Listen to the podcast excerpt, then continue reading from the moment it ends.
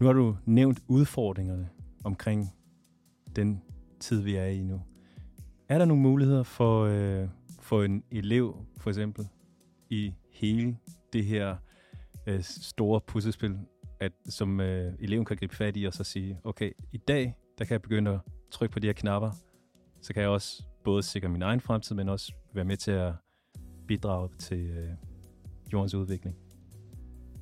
Ja, altså, det er, jo, det er jo klart, som elev, og man kommer ind og er det nyeste ansat i en butik eller en butikskæde, eller, øh, øh, så, så, så er det jo klart, at man også øh, er nødt til at stikke fingrene i jorden og så øh, ligesom øh, passe ind der, hvor man nu er ansat. Men jeg oplever i høj grad, at den her bekymring og opmærksomhed på klima og miljøkrise er noget, som den unge generation nærmest har fået ind, om ikke med modermælken, så i hvert fald i, ind via den daglige øh, nyhedsstrøm de sidste 5-10 år.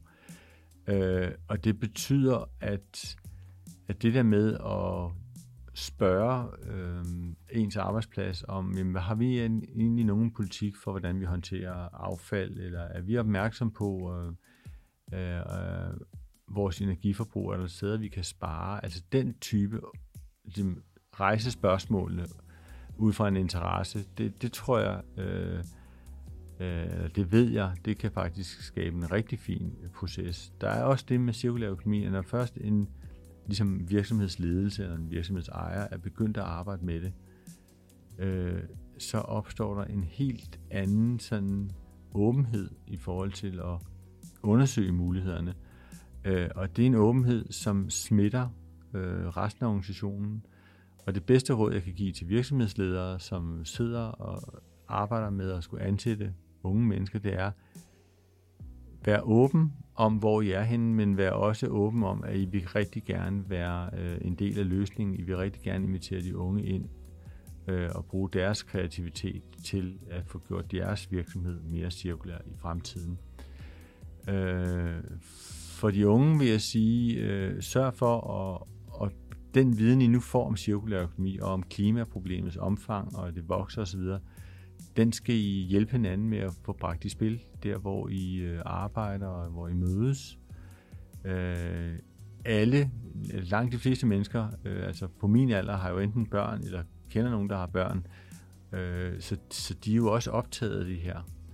Øh, så, så i skal have mod til at, bringe de her spørgsmål på banen, og så skal I måske også øh, altså, finde ud af, hvilke virksomheder, der gør det rigtig godt, som I kan nævne som inspiration på jeres arbejdsplads. Måske I så heldige, at I bliver ansat et sted, som rent faktisk er blandt dem, der går foran. Så er det jo godt, så kan I jo sprede det gode øh, budskab fra den position.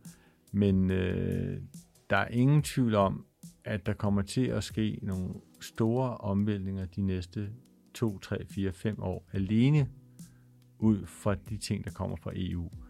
Øh, så det er det sidste råd. Prøv at holde jer orienteret om, hvad der kommer af lovgivning. Øh, EU-direktiverne også, de skal jo omsættes til dansk lovgivning. Nogle skal faktisk gøre det ikke. De er forordninger, de er træder i kraft lige så snart EU har besluttet det.